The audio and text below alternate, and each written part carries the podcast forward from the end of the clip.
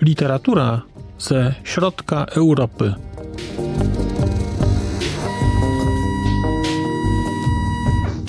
Podcast około książkowy.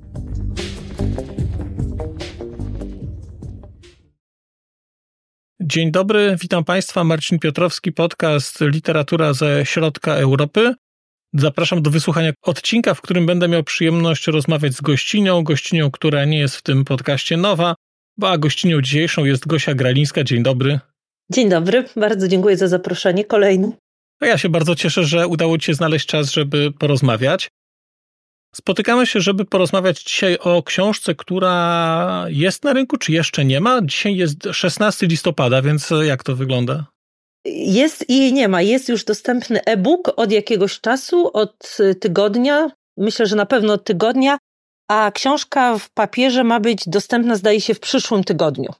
Tak gdzieś w połowie przyszłego tygodnia. Czyli akurat na premierę pojawi się ten odcinek, więc bardzo się cieszymy. A mówimy tutaj o książce Marlene Haushofer Ściana. Dobrze mówię? Czy, tak, czy tak, tak, tak, dobrze. Wszystko się zgadza. Wszystko się zgadza. Ale tak, zanim będziemy rozmawiać o ścianie, no to wydaje mi się, że też trzeba powiedzieć wielkie gratulacje, bo po raz pierwszy mamy okazję rozmawiać po no, wielkim sukcesie powiedziałbym, czyli po nagrodzie Angelusa za tłumaczenie, za skądś y, Saszy Stanisz, Stanisisa, jak to jest, dobrze? Stanishicia. Stanishicia. Stanishicia. Stanishicia, tak. Więc gratulacje Gosia, super. No oglądałem i ceremonię, bardzo to fajnie wyglądało i też możesz przekazać Saszy, że fantastyczne przemówienie wygłosił. To, co powiedział, wydaje mi się, było bardzo ważne i takie, no, poruszające. No i super, i gratulacje, cieszę się i widzę, że ta, widzę, że to żyje, że ta książka chyba nabrała nowego życia teraz po tej nagrodzie. Tak, tak, zgadza się. Bardzo dziękuję po pierwsze. I rzeczywiście książka zyskała drugie życie. Z tego co wiem, jest albo będzie za chwilę do druk.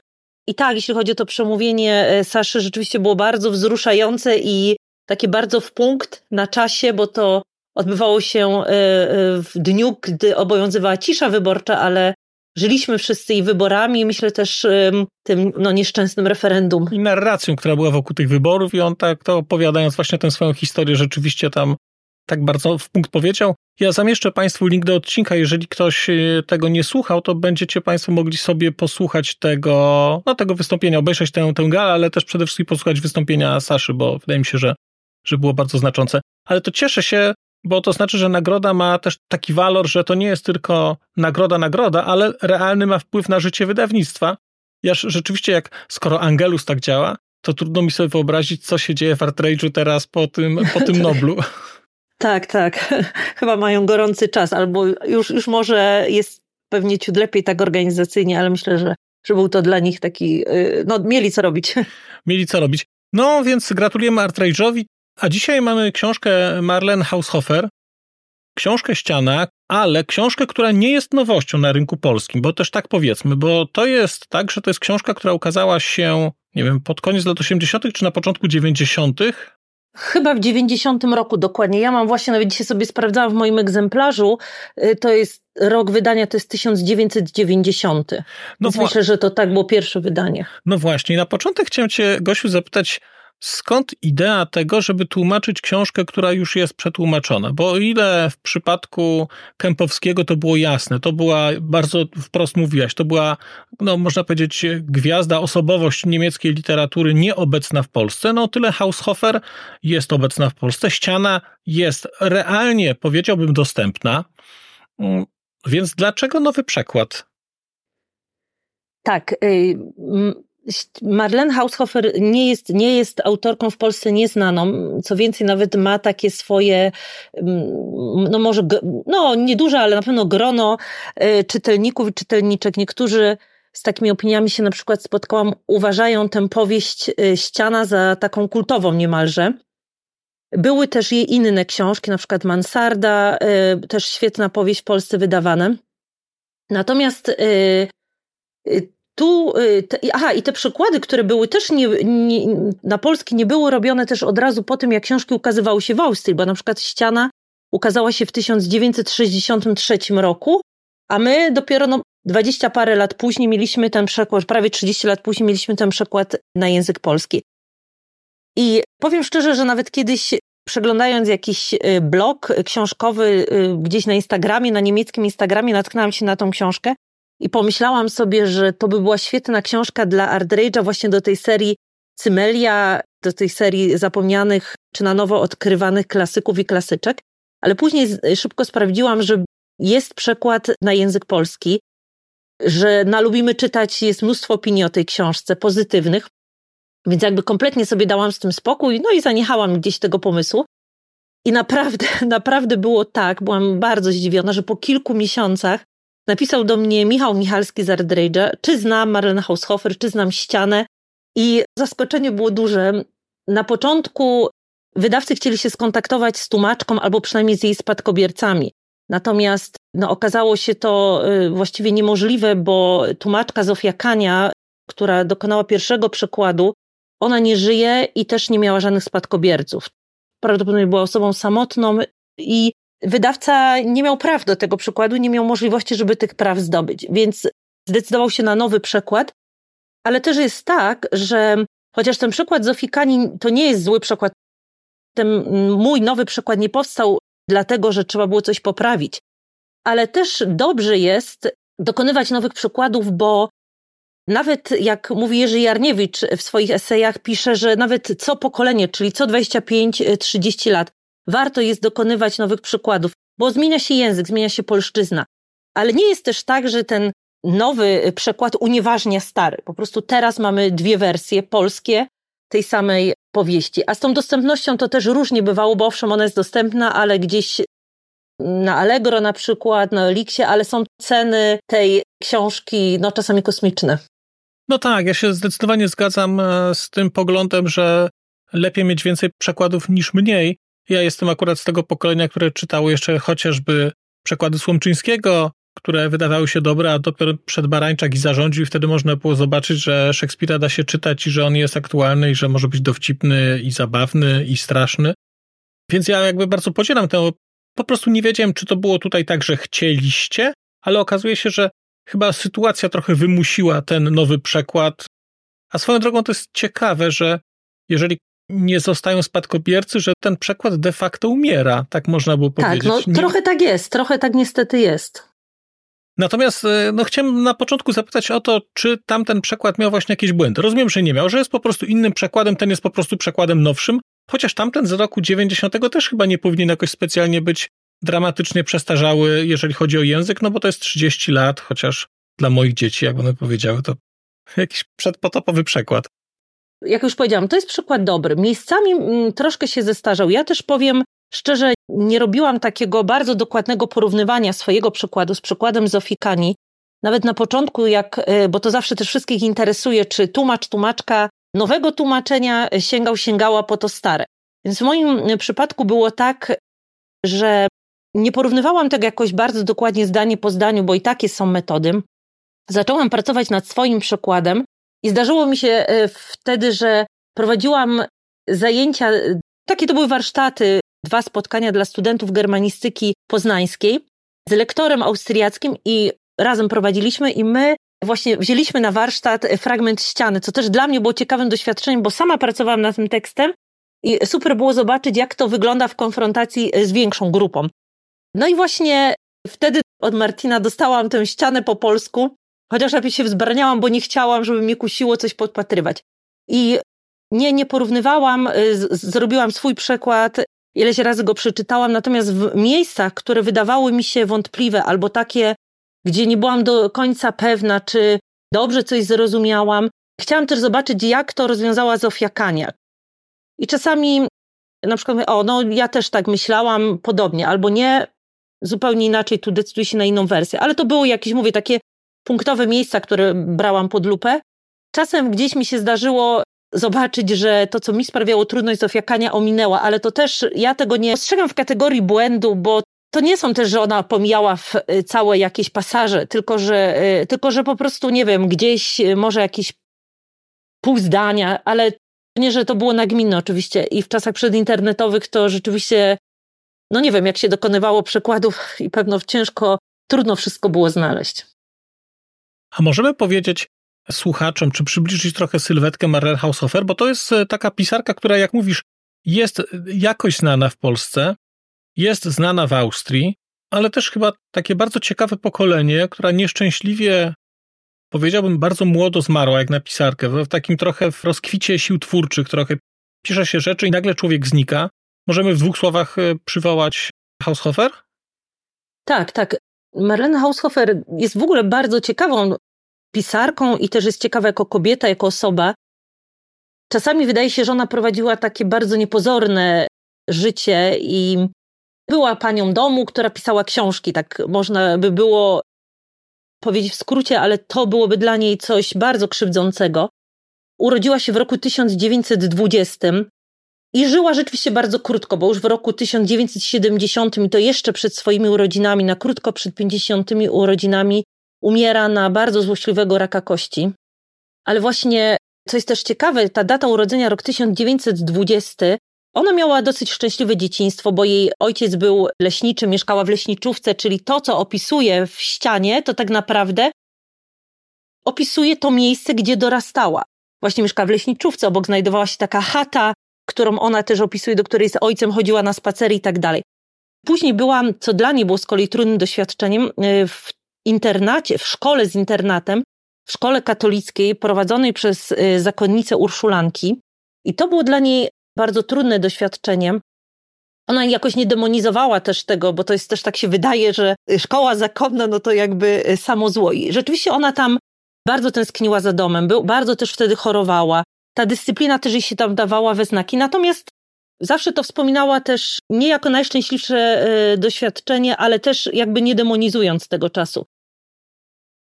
Później, kiedy kończy szkołę i zdaje maturę, to już Austria tak naprawdę nie ma Austrii. Austria jest częścią III Rzeszy. Haushofer nigdy za dużo nie pisała w swojej twórczości o wojnie. To nie jest, to jest jakby przeciwległy biegun do Kępowskiego. Tu nie mamy żadnych rozliczeń z czasem narodowego socjalizmu czy II wojny światowej. Ale co jest też ciekawe, no jednak ta jej młodość, ta dorosłość zbiegła się w czasie z dojściem Hitlera do władzy w Austrii i no musiało się to na niej jakoś odbić. Więc na przykład tuż po maturze zgłasza się do, to się nazywało Służba Pracy Rzeszy. No właściwie zgłasza się, pewno też musiała, bo wszyscy musieli być gdzieś tam e, zaprzęgnięci w tę organizację. I wyjeżdża, co jest też interesujące, do Prus Wschodnich. Więc tu zawsze mówię, że to jest takie połączenie z Kępowskim. I co ciekawe, pełni tą, tą służbę, nazwijmy to, w miejscowości, która nazywa się Christburg, a to jest dzisiejszy Dzierżgoń. Więc już w ogóle tu taki polski ślad. Ona nie była jakoś zideologizowana, to nie było, że ona była jakąś nazistką, żeby Państwo też nie pomyśleli, że, że tak było. No natomiast miała taki w swoim życiu epizod i wybucha wojna. I ona jest też w takim ciekawym miejscu, bo to jest właśnie ta granica polsko-niemiecka i ona czuje bardzo mocno to, że wojna nadciąga, że te nastroje e, stają się e, po tej stronie niemieckiej bardzo mocno wrogie czego na przykład jej rodzice w Austrii jeszcze tak nie odczuwają. Oni nawet z tego obozu, gdzie ona tam, te, z tego obozu, gdzie byli ci, ci wszyscy z tej służby pracy y, Rzeszy, ta młodzież, nie mogła za dużo też pisać do rodziców na temat tej sytuacji, na temat tych, tych zmieniających się nastrojów. Więc to był taki ciekawy epizod. I później Marlene mm, Haushofer przeżywa wojnę, jest w Austrii. Ona pisze czasami w swoich książkach, i to jest też w ścianie, y, też się miejscami pojawia, że o tych bombardowaniach pisze o tym, że ludność cywilna siedziała w piwnicach, to chyba w tych schronach, więc to rzeczywiście chyba było dla niej jakieś takie mocne doświadczenie, ale poznała właśnie, kiedy była w Prusach Wschodnich, mężczyznę. No i pierwsza miłość, później zaczyna, ona podejmuje, już jak y, wybuchła wojna, studia w Wiedniu, on też przyjeżdża do Wiednia, żeby studiować medycynę. I Haushofer zachodzi w ciążę, co tamtych czasach, no mieć nieślubne dziecko to dla kobiety była bardzo trudna sytuacja. I co więcej, rozstaje się z ojcem dziecka. Nie do końca e, wiemy z jakich powodów. No i teraz dziewczyna z bardzo katolickiej rodziny, zwłaszcza matka była no taka bardzo religijna, nagle jest w ciąży i jest sama. No i wojna, więc jest to dla niej bardzo, bardzo trudne. I postanawia dziecko urodzić w ogóle nie mówi nic rodzicom o tym, że jest w ciąży. Wyjeżdża do Bawarii, kobiety, która była matką jej koleżanki, tamto dziecko rodzi i zostawia na pierwszych kilka lat życia, co zawsze będzie później dla niej jakąś traumą. No ale później właśnie spotyka pana Haushofera, Manfreda, który jakby akceptuje tę sytuację, żeni się z nią i adoptuje pierwsze dziecko, chociaż na początku nie daje mu jeszcze nazwiska. Bardzo szybko y, Marlene znajduje się w kolejnej ciąży, mają kolejne dziecko i to jest taka trudna sytuacja dla kobiety, bo jedna ciąża po drugiej, niedokończone studia. Wojna się kończy i one y, tworzą taką, w cudzysłowie, normalną rodzinę. Też nie były to do końca sytuacja normalna i to nie chodzi tylko o to, że ona miała dziecko z pierwszego związku, ale nie było to małżeństwo szczęśliwe, mimo że na zewnątrz jak najbardziej. I o tym ona też pisze w swoich książkach. To jest jej takie doświadczenie jako kobiety, która gdzieś w tym małżeństwie, w tej rodzinie się dusi i nie czuje się na miejscu, czuje się obca. Jej mąż, Manfred Haushofer, był po prostu, krótko mówiąc, kobieciarzem, miał liczne romanse i oni się w pewnym momencie rozwodzą, ale w ogóle z dzisiejszej perspektywy to się wręcz wydaje jakieś groteskowe. Oni się rozwodzą, ale cały czas mieszkają razem pod wspólnym dachem, nic się nie zmienia, nawet dzieci nie wiedzą o tym, nie zdają sobie sprawy, że oni są po rozwodzie. Otoczenie nic o tym nie wie. Ona nadal prowadzi dom. Co więcej, on pomaga mężowi, ponieważ jest, on jest dentystą, pomaga mu w jego gabinecie nieodpłatnie.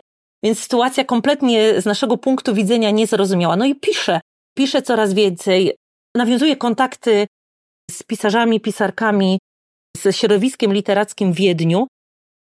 No i jest coraz bardziej znana, pisze i wydaje, ale nigdy nie jest taką pisarką, można byśmy byli powiedzieli, pełnoetatową, że ona y, siada, wszystko rzuca, pisze. Ona cały czas zajmuje się domem, dziećmi, żyje życiem typowej pani domu, byśmy powiedzieli, i gdzieś wręcz wyszarpuje te, te godziny na pisanie. A później choruje i jest to straszna choroba, tak doprowadza do śmierci w młodym wieku i tak jak mówisz, w pełni sił twórczy. Jeszcze zanim przejdziemy do ściany, ja bym się zastanawiał, jak powiedziałaś o tym, że tak naprawdę to wychowanie w tych szkołach klasztornych to tak nie miało wpływu może tak bardzo, ale jak myślę sobie, co opisuje w autobiografiach Bernhard, to ta szkoła z internatem w Austrii, to wydaje mi się, że chyba było trochę coś innego niż w Polsce, a może to jest po prostu podkręcone u Bernarda z jego wrażliwością. Natomiast jak teraz tutaj mówisz, no to z kolei ja echa tego mam wrażenie, znajdowałem w tej powieści. Nie wiedziałem o tym, natomiast fakt urodzenia się w latach dwudziestych i jakiejś obecności, czy ja, ja to odbieram trochę jako przepracowanie tego, co się wydarzyło w czasie wojny, to w tej ścianie jednak jest chyba. Nie, nie, ja nie chciałam powiedzieć, że to nie miało wpływu. To absolutnie miało wpływ. Ona w innych powieściach jakby też bardzo wyraźnie pisze o tym y, doświadczeniu o szkole klasztornej.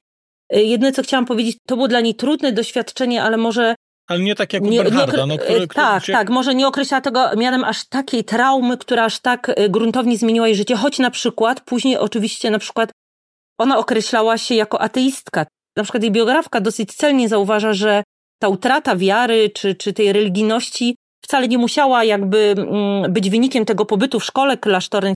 Oczywiście, że to miało wpływ, ale jakichś jeszcze innych doświadczeń, jakiegoś takiego ogólnego rozczarowania Bogiem, jako tym, który tak naprawdę nie potrafi nic zrobić ze śmiercią, bo ona widzi dookoła siebie pełno śmierci. Najpierw jest to śmierć zwierząt, właśnie jako mała dziewczynka. Tam ojciec jest leśniczym, ale oni mają też takie małe gospodarstwo, więc widzi szlachtowane zwierzęta i to jest dla niej jako kilkuletniej dziewczynki wstrząsające doświadczenie. I już się przypuszcza, że dla niej to właśnie był wtedy taki wstrząs, że Bóg to nie jest ktoś wszechmogący, tylko właśnie śmierć jest na świecie tak naprawdę, to śmierć ma ostatnie słowo. Więc już przypuszcza się, że wtedy u niej już się zaczęły te takie pierwsze wątpliwości. No i powiedzmy w takim razie, że Ściana to jest to opowieść, która dzieje się w bliżej nieokreślonym czasie, ale można go pewnie sytuować na lata 50. Koniec lat 50., może początek 60. Natomiast to jest miejscówka w Niemczech, albo nie, w Austrii chyba. W Austrii. W Austrii. I któregoś wieczoru, to trochę se spoilujemy, ale to jest spoiler, który się odkryje po czterech stronach czytania tej książki. Któregoś wieczoru główna bohaterka wyjeżdża do takiej leśniczówki do znajomych, oni wychodzą na imprezę, ona ku swojemu zaskoczeniu okazuje się, że długo ich nie ma, ona idzie spać, kiedy wstaje rano, zaczyna ich szukać, okazuje się, że kawałek za jej domem powstała taka szklana jakby ściana, przez którą nie można przejść. Widać, co się za nią dzieje. I właściwie nic się nie dzieje, bo wygląda na to, że ludzie wszyscy jakoś dziwnie zamarli, bo to nie jest chyba opisane, że oni umarli, tylko oni są tak jakby stoją w jakichś dziwnych pozach. No i ona odkrywa nagle, że jest w takiej sytuacji bardzo dziwnej, nie może wyjść, ta ściana jest nie do zniszczenia i musi się odnaleźć w sytuacji, kiedy jest sama, ma przy sobie psa, właścicieli, później odnajduje się jeszcze krowa i jakiś kot. I właściwie cała książka jest opowieścią o postrzeganiu świata z perspektywy osoby, która rozmawia ze sobą, pisze dziennik, ale tak naprawdę żyje ze zwierzętami w takim bardzo naturalnym środowisku, bo trudno sobie wyobrazić bardziej naturalne środowisko niż życie w taki bardzo tradycyjny sposób. Ona uczy się rolnictwa, odkrywa sposoby przeżycia. No i właśnie, to jest, wydaje się, że to jest bardzo banalna historia, ale tak myślę sobie, że wcale nie. Jak czytałem tę książkę, to uświadomiłem sobie, że nie pamiętam, kiedy czytałem książkę, w której tak w ogóle nie byłoby akcji i tak dużo byłoby historii związanych z takim prostym życiem, w prosty sposób, w lesie, wśród zwierząt i takim doświadczania czegoś, o czym właściwie jakby człowiek pomyślał, to powiedziałby, no Chryste, to wystarczyłoby napisać dwa rozdziały, jakieś opowiadanie. Tymczasem jest powieść, wcale nie taka mała i się to czyta i to jakoś nie przeszkadza zupełnie. Tak, rzeczywiście tak jest. I jeszcze wracając do tego, co powiedziałeś, że to y, dzieje, dzieje się prawdopodobnie w Austrii i prawdopodobnie są to te lata, przełom lat 50. i 60., to wiele rzeczy na to wskazuje. Natomiast jest też tak, że pisząc ścianę, y, Haushofer najpierw miała taką pierwszą wersję powieści i tam rzeczywiście te odniesienia do tego, że jest to Austria i rok 1960 były wyraźniejsze. I tam na przykład jeszcze ta bohaterka, która powiedzmy, że w ścianie jest bezimienna, ona nie ma imienia. Zwierzęta mają imiona, natomiast sama ta postać kobieca imienia nie ma. Ale w pierwszej wersji jeszcze miała imię, nazywała się Iza, tak. I pies miał inaczej na imię. I więcej też tam było w takich trendów biograficznych e, właśnie z życia autorki. Natomiast później ona to wszystko jakby zredukowała, że, że ta powieść stała się jeszcze bardziej oszczędna. I tak jak mówisz, właściwie to ona mogłaby się dziać wszędzie. To miejsce, czy to jest w Austrii, czy to jest w Niemczech, no to nie ma takiego większego znaczenia w całej tej powieści. I ta akcja jest taka, można by powiedzieć, powolna, monotonna. Jest to dla mnie na przykład to jest właśnie książka też, wiadomo, o życiu ze zwierzętami, o życiu z przyrodą i to bardzo blisko, ale też jest to taka książka o takim heroizmie codzienności, o tym, że te nasze czynności są bardzo takie powtarzalne, monotonne, że muszą być zawsze, cały czas podejmowane. A w jej przypadku tak naprawdę muszą być podejmowane po to, żeby przeżyć. Ona nie może zrezygnować z sadzenia ziemniaków, z sadzenia fasoli, z koszenia e, łąki, bo nie przeżyje po prostu. I to jeszcze więc bardziej takiego heroicznego wy, wymiaru nabiera. No ja miałem takie wrażenie, że to jest taka książka, która jak się zastanawiam, co mi ona przypomina, to ona mi przypominała Robinsona Crusoe, ona mhm. mi przypominała trochę tajemniczą wyspę, no tam było więcej ludzi, ale to jest jedna osoba, która jest rzucona poza cywilizację, bo ona, powiedzmy sobie, ona jest w tym domku i ma tam jakiś zasób rzeczy cywilizacyjnych, ale taki, jaki możecie sobie Państwo wyobrazić, że będzie w takim domu, o który powiedzmy ktoś dbał, bo dbał. Natomiast no jest tam trochę zapałek, jakieś leki, jakieś ubrania. To nie jest miejsce, które jest przygotowane do tego, żeby żyć tam przez lata, i żeby żyć tam całkowicie samowystarczalnie. Tymczasem nagle okazuje się, że radio nie działa, prądu nie ma i właściwie w środku lasu trzeba sobie zorganizować życie. I rzeczywiście, jak mówisz o heroizmie codzienności, to ja miałem takie wrażenie, jak czytałem tę książkę, że tak musiało wyglądać życie ludzi przed na przykład tysiącem lat, że ktoś gdzieś żył, to była jedna albo dwie osoby i no właściwie Twoje życie zależy od tego, ile zbierzesz z tego pola, czy będzie susza, czy nie będzie, czy się utopi, e, czy, czy, czy zboże popłynie, czy nie popłynie. Koniec. I właściwie całość zależy od pogody, od Twojego zdrowia, od tego, czy masz siłę, żeby pójść coś zrobić. Nie ma niczego więcej. Właściwie jest, jest człowiek, tylko człowiek i przyroda. Ona, ona nie ma tego drugiego człowieka. Ma właściwie zwierzęta, ale tak naprawdę ja się zastanawiam, czy to nie jest opowieść o samotności, o takim zmaganiu się samotnym, trochę jak, jak żeglarz, który płynie, jest na wachcie, płynie samotnie, może się przespać. Ci żeglarze opisują, że oni śpią takim dziwnym snem po 2-3 godziny, bo nie mogą spać więcej, bo po prostu trzeba wstać i można się do tego przyzwyczaić, ale cały czas wachta i ona, mam wrażenie, jest na takiej wachcie ciągłej. Tak, to jest bardzo dobre porównanie. Też uważam, że jest to powieść o samotności, o takiej potwornej samotności, I w tej samotności tak naprawdę dopiero człowiek jest tak bardzo mocno skonfrontowany sam ze sobą. I chyba to jest najtrudniejsze, bo ona nagle musi spojrzeć na siebie, na to, kim jest, jaką jest, czy też była kobietą. Pojawiają się jakieś w jej przypadku jeszcze wspomnienia z tego, co było wcześniej, zanim pojawiła się ściana. Pojawiają się, ale są to wspomnienia właśnie męża czy dzieci. Tak naprawdę nie do końca wiemy, co się z nimi stało. Wiemy, że mąż umarł bo wcześniej już, bo ona e, określa siebie jako wdowę. Natomiast wspomina swoje dawne życie, ale też ona się cały czas od tego życia bardziej oddala i zbliża się w kierunku przyrody. Pod koniec, czy w drugiej części książki już są nawet takie sceny, kiedy ona jest na tej hali, gdzie spędza lato, że ona jakby tak się chciała, y, nawet wydaje jej się, że ona się staje częścią tej przyrody, że się stapia z przyrodą. Nawet jest taki też ładny fragment, kiedy ona mówi, że ona jakby staje się częścią tego lasu. Las zaczyna myśleć jej umysłem. I to jest nawet też takie kuszące, żeby stać się częścią tej przyrody, bo mi się też tak wydaje, że ona wcale nie tęskni za ludźmi, nie tęskni za, za tym światem. Z jednej strony wie, że tutaj ma jakieś ograniczone możliwości, że w pewnym momencie czas się skończy, kiedy skończą się zapałki, kiedy skończy się amunicja i nawet potrafi sobie obliczyć, na ile miesięcy jej tego wszystkiego wystarczy. Ale tak naprawdę czasami odnosiłam takie wrażenie, że ona wcale nie tęskni za tym dawnym życiem, nie tęskni za tym światem za ścianą, cierpi z powodu samotności, ale jednocześnie tak jakby ludzie przestali jej być potrzebni. Tak, to widać. Zresztą jak powiedziałaś o tej wątku dzieci, to mi się wydaje, że bardzo teraz mi to otworzyło te jej doświadczenia, otworzyło mi w głowie to, co jest napisane w książce, bo ona pisze, że ma dwie córki, ale ten jej stosunek do tych córek jest taki bardzo zdystansowany. To na pewno nie taki, co można byłoby określić mianem uczuć głęboko matczynych. Ona tak jakby zaakceptowała fakt, że one w którymś momencie jakoś z jej życia zniknęły. Po prostu już ich nie ma. Dojrzały, chyba nie są jeszcze dorosłe, ale tak jakby wyjechały gdzieś do jakichś szkół. Tak naprawdę jej nie ma. Ona trochę za nimi tęskni, ale tak naprawdę, no można było powiedzieć, że będzie mocno to widać. Nie widać tego tak bardzo. Ona chyba tęskni za, znaczy nie wiem czy tęskni, ale chyba najbardziej ograniczająca jest świadomość tej niemożności wyjścia, a nie to, że tam są gdzieś ludzie.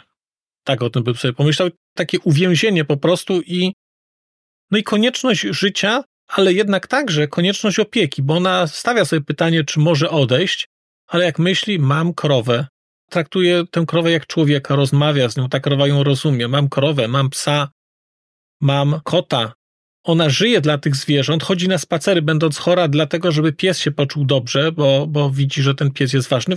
Więc widać po prostu w tej samotności próbę jakiegoś ogarnięcia się wśród innych stworzeń, niekoniecznie ludzi.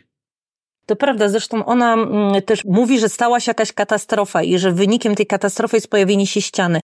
I ta bohaterka mówi, że y, tak sobie zapisuje, że ta katastrofa zdjęła z niej jakiś ciężar, ale jednocześnie nałożyła jej inny ciężar, no bo przestała być, powiedzmy, przypuszczamy, jakby też śledząc życiorys samej autorki, że ten domowy kierat przestał ją ograniczać, przestała być matką, żoną już wcześniej, ale to takie codzienne życie. Natomiast teraz ma inną tę codzienność, tak jak mówisz, musi zorganizować wokół tych zwierząt, jest za nie odpowiedzialna, czuje się za nich y, odpowiedzialna, za wszystkie te zwierzęta, nie może ich opuścić i to jest kolejny jakiś ciężar, ciężar też opieki nad drugim stworzeniem. Ona bardzo mocno go odczuwa.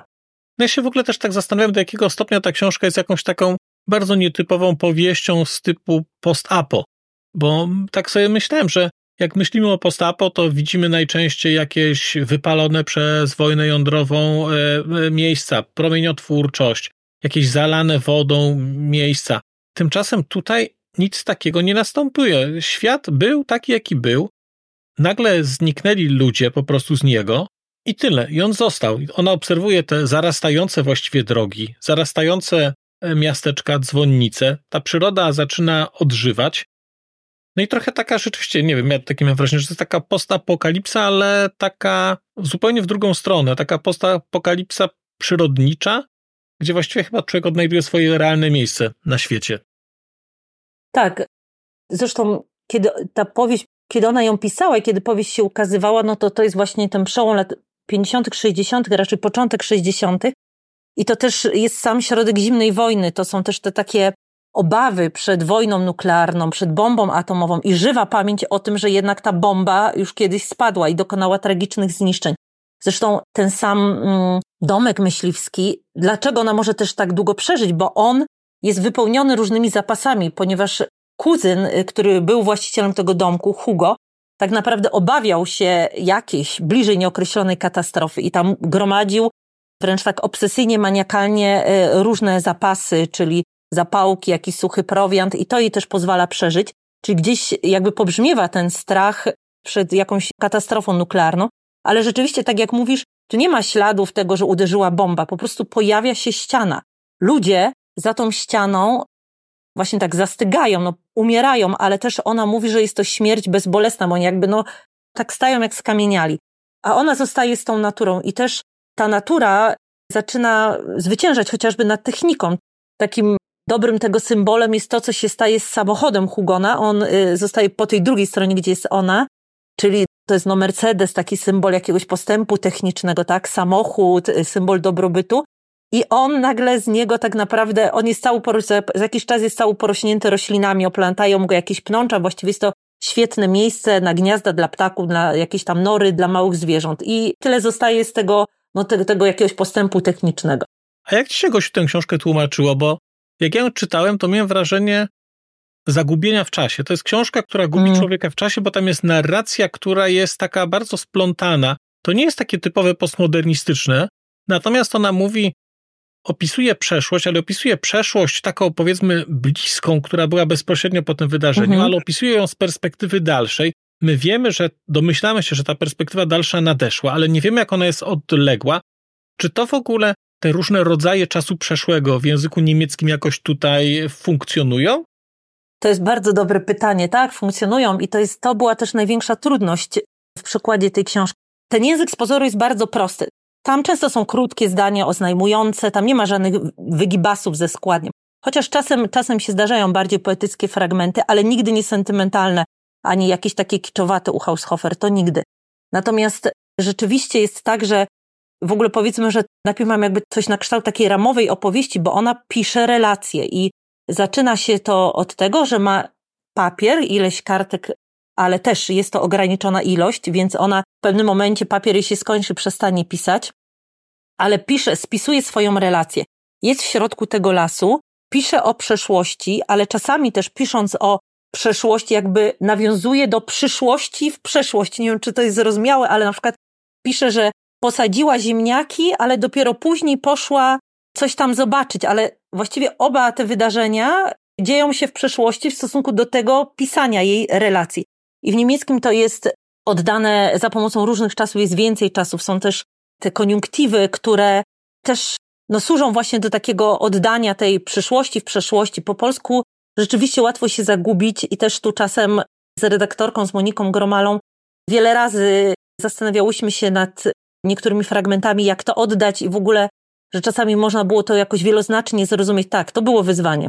I wyszło to bardzo interesująco, no bo w Polsce jest czas zaprzeszły, ale który jest tak rzadko używany, że tak, tak, i tak sztucznie by brzmiało, jest, zwłaszcza w takiej relacji. Tak, to by brzmiało rzeczywiście tak nadmiernie literacko. To chyba Esterhazy pisał, że to jest takie, dla niego zawsze było rozpoznanie, jaki poziom arystokracji ktoś jest. Znaczy, mhm. jeżeli ktoś używa czasu zaprzeszłego, to już jest ten najwyższy taki poziom, bo to już jest, oho, właśnie, to jest taka arystokracja tak. przez dusza. Tutaj tego nie ma. Natomiast rzeczywiście jest tak, że człowiek się uświadamia w którymś momencie, że ta relacja nie jest spisywana jakby na żywo, tylko że to jest historia z przeszłości, ale pisana właśnie jakoś w przeszłości, ale nie wiadomo jakiej.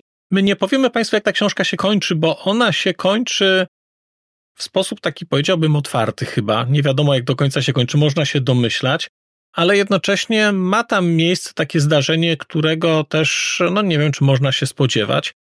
Widać w tej książce też taką miłość autorki do przyrody, chyba to, o czym wspomniałaś, to, co wydarzyło się w domu, że ona po prostu mieszkała w tym miejscu i ona ten las, te rzeczy znała, bo ja nie potrafię sobie wyobrazić, ile mógłbym napisać w ogóle, wymyśleć o historii z życia lasu czy życia Ale tu jest też bardzo ciekawe, ja w jej biografii przeczytałam, że ona owszem znała, to było jej doświadczenie dzieciństwa, nawet właśnie samo to chodzenie po lesie, znajomość lasu, ale też choćby sadzenie ziemniaków, bo oni mieli jeszcze takie małe gospodarstwo przy tej leśniczówce.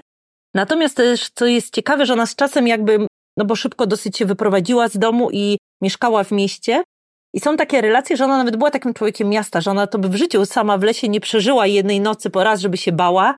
Dwa, że brakowałoby jej kawiarni, chociażby z gazetami, bibliotek.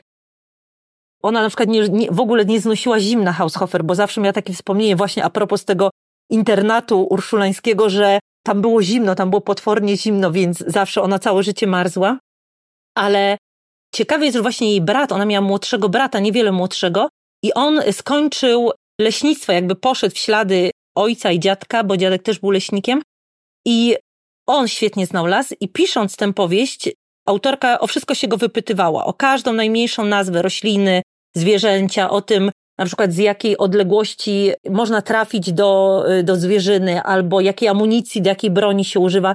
Więc rzeczywiście te wszystkie szczegóły są tu bardzo wiernie odwzorowane, ale to też podobno jest zasługa tych rozmów z bratem. Ona sobie te wszystkie detale notowała i później y, do tej książki to przyniosła. Także, a i podobno, co jest też ciekawe, ona się panicznie bała psów. A przecież y, Haushofer jako autorka, a jednak tu pies y, Lux odgrywa bardzo ważną rolę. Odgrywa rolę, tak, wielką i no jest właściwie głównym bohaterem, takim głównym partnerem jej w tym tak. codziennym życiu, mm no bo powiedzmy jest taka partnerka krowa, która jest taką osobowością, rzeczywiście krowa, nawet powiedziałem taką matką tutaj jest, daje to mleko mhm. i daje życie, a ten pies jest takim e, eksploratorem tego świata, strażnikiem, kimś tak. takim. Bardzo, bardzo to jest, e, bardzo to jest ciekawe. Pies u Zofii Kani nazywał się Ryś w tym pierwszym przekładzie, a ja jednak postanowiłam zachować mu to niemieckie imię Lux. Więc to jest na pewno też różnica. Jeśli ktoś zna ten dawniejszy przekład, to tu na pewno będzie widział różnicę. No ja się bardzo cieszę, że ta książka się ukazała. Cieszę się, bo myślę, że bez tego bym po niej nie sięgnął. To jest chyba zaleta tej serii. Cymelia.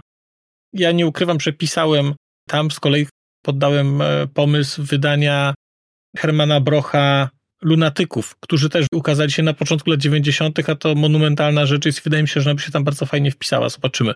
Mam nadzieję, że może coś się z tym uda zrobić. No i że, że wyjdzie ponownie. Dobrze, Gosiu, ty coś tłumaczysz dalej teraz? Czy teraz masz jakąś przerwę?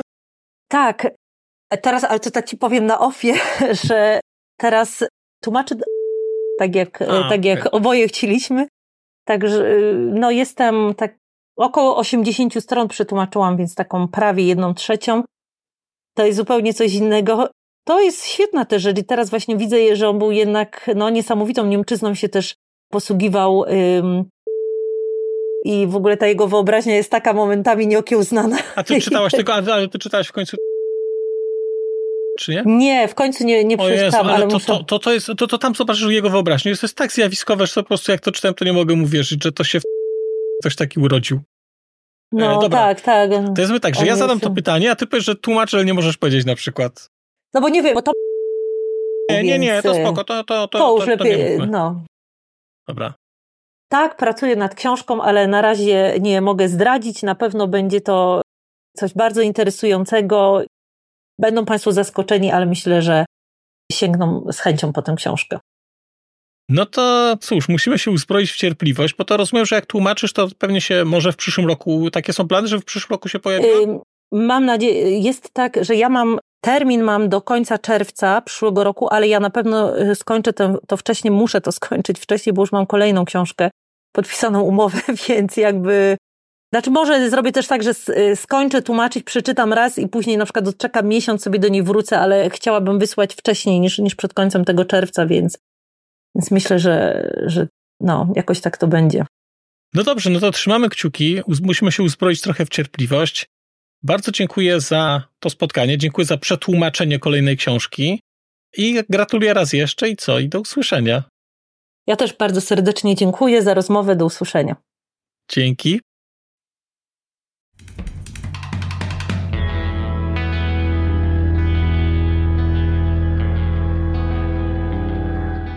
Bardzo dziękuję Państwu za wysłuchanie tego odcinka, bo skoro jesteście w tym momencie, to znaczy, że wysłuchaliście go do samego końca.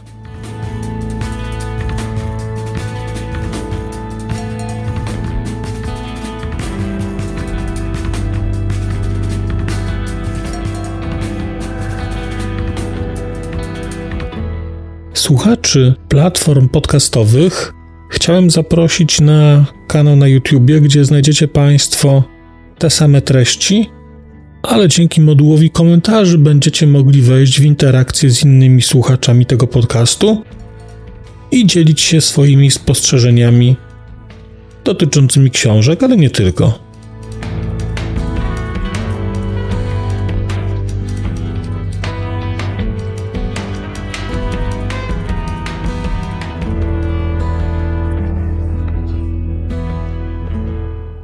Oprawa muzyczna tego odcinka została zrealizowana na bazie muzyki słowackiego zespołu Longital.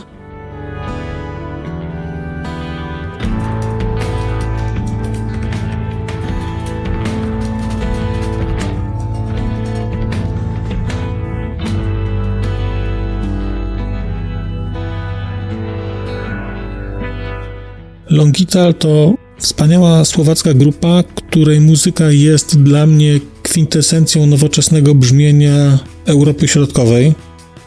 Bardzo Państwa zachęcam do posłuchania tego zespołu i chciałem podziękować Shinie i Danielowi, że zgodzili się na wykorzystanie ich muzyki w moim podcaście.